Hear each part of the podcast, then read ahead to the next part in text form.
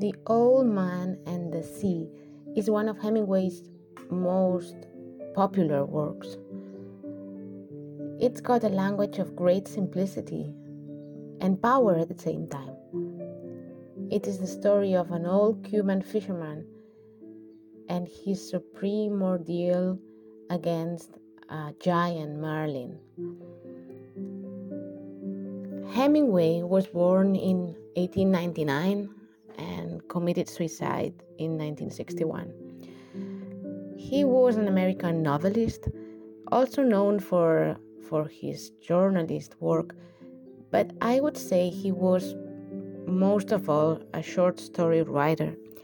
And um, actually, one of the things um, we will discuss in our book club conversation next week is uh, related to the, the iceberg theory this this theory um, tries to uh, portray things in a way with in a way that um, don't tell the whole thing. Um, the iceberg theory is a theory of omission. It's got a minimalistic style, and the deeper meaning of a story is not evident on the surface, but shines through through the whole of it. I would say uh, The Old Man and the Sea is a story about aging, about fighting against nature, against time, against death. It is actually the challenge of the old man himself, but not not in the way Moby Dick, for example, is. It's not a battle against an external enemy, it's a battle against an equal.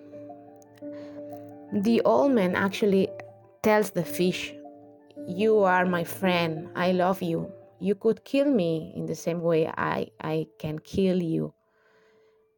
The, the story is actually not about fighting against an enemy. And this is one of the reasons I chose the story to be part of our spring summer book club.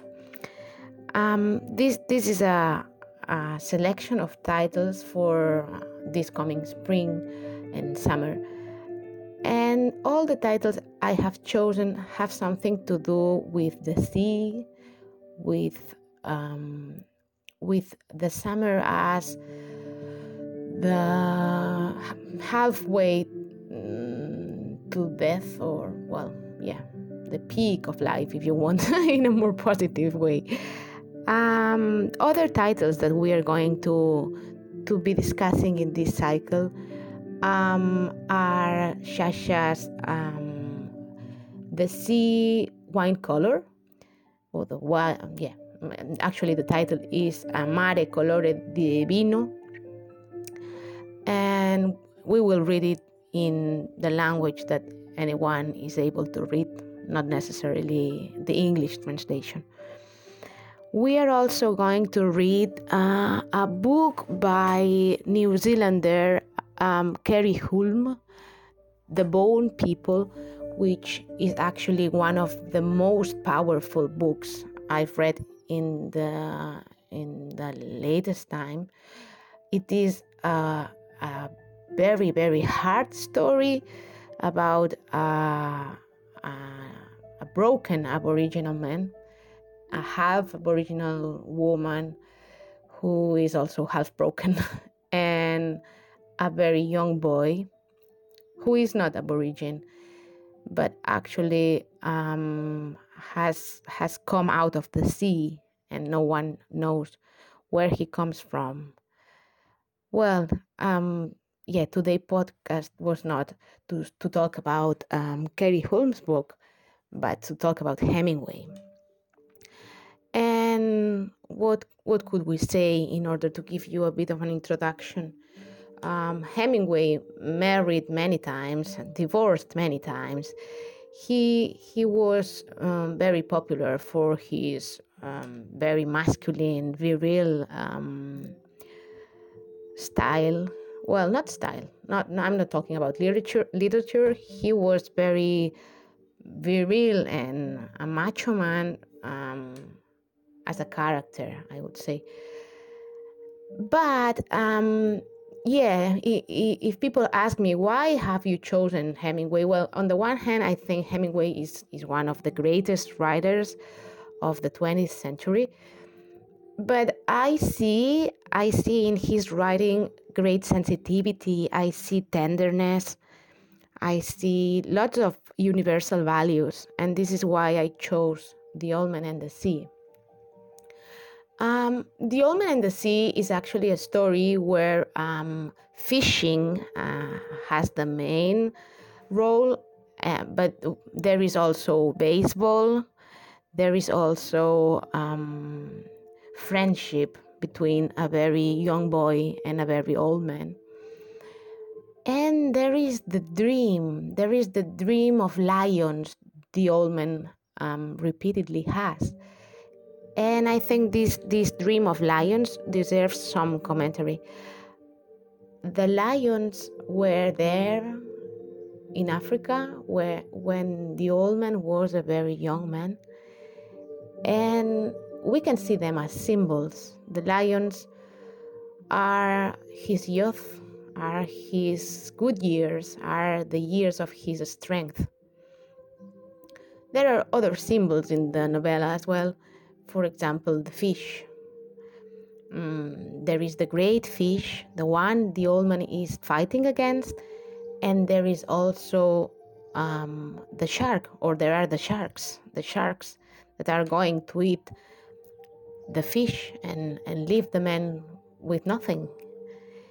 However, along his, his journey, the old man tells us um, a man can be destroyed but not defeated. And and if I had to choose uh, a sentence from the book, I would choose this one. I think um, we can reflect on this sentence when when we have our meeting next week. Some other things about Hemingway, about the book. Well, um, Hemingway was a very good writer. At the same time, William Faulkner was.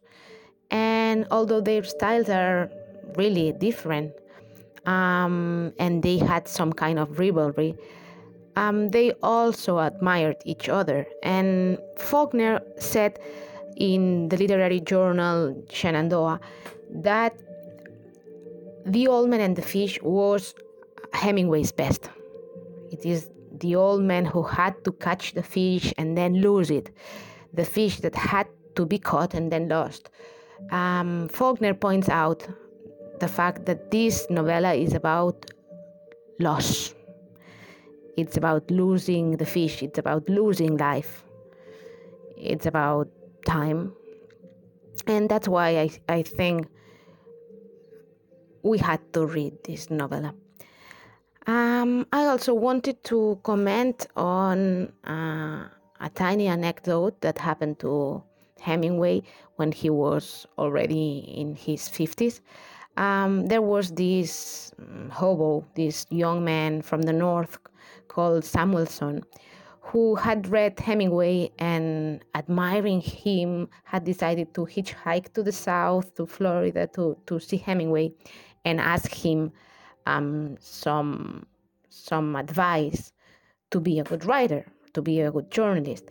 And after trying, after knocking on Hemingway's door, and after um, Hemingway had been a bit rude at the beginning, they finally um, got to talk. And and, and actually, Samuelson worked for Hemingway for some years afterwards.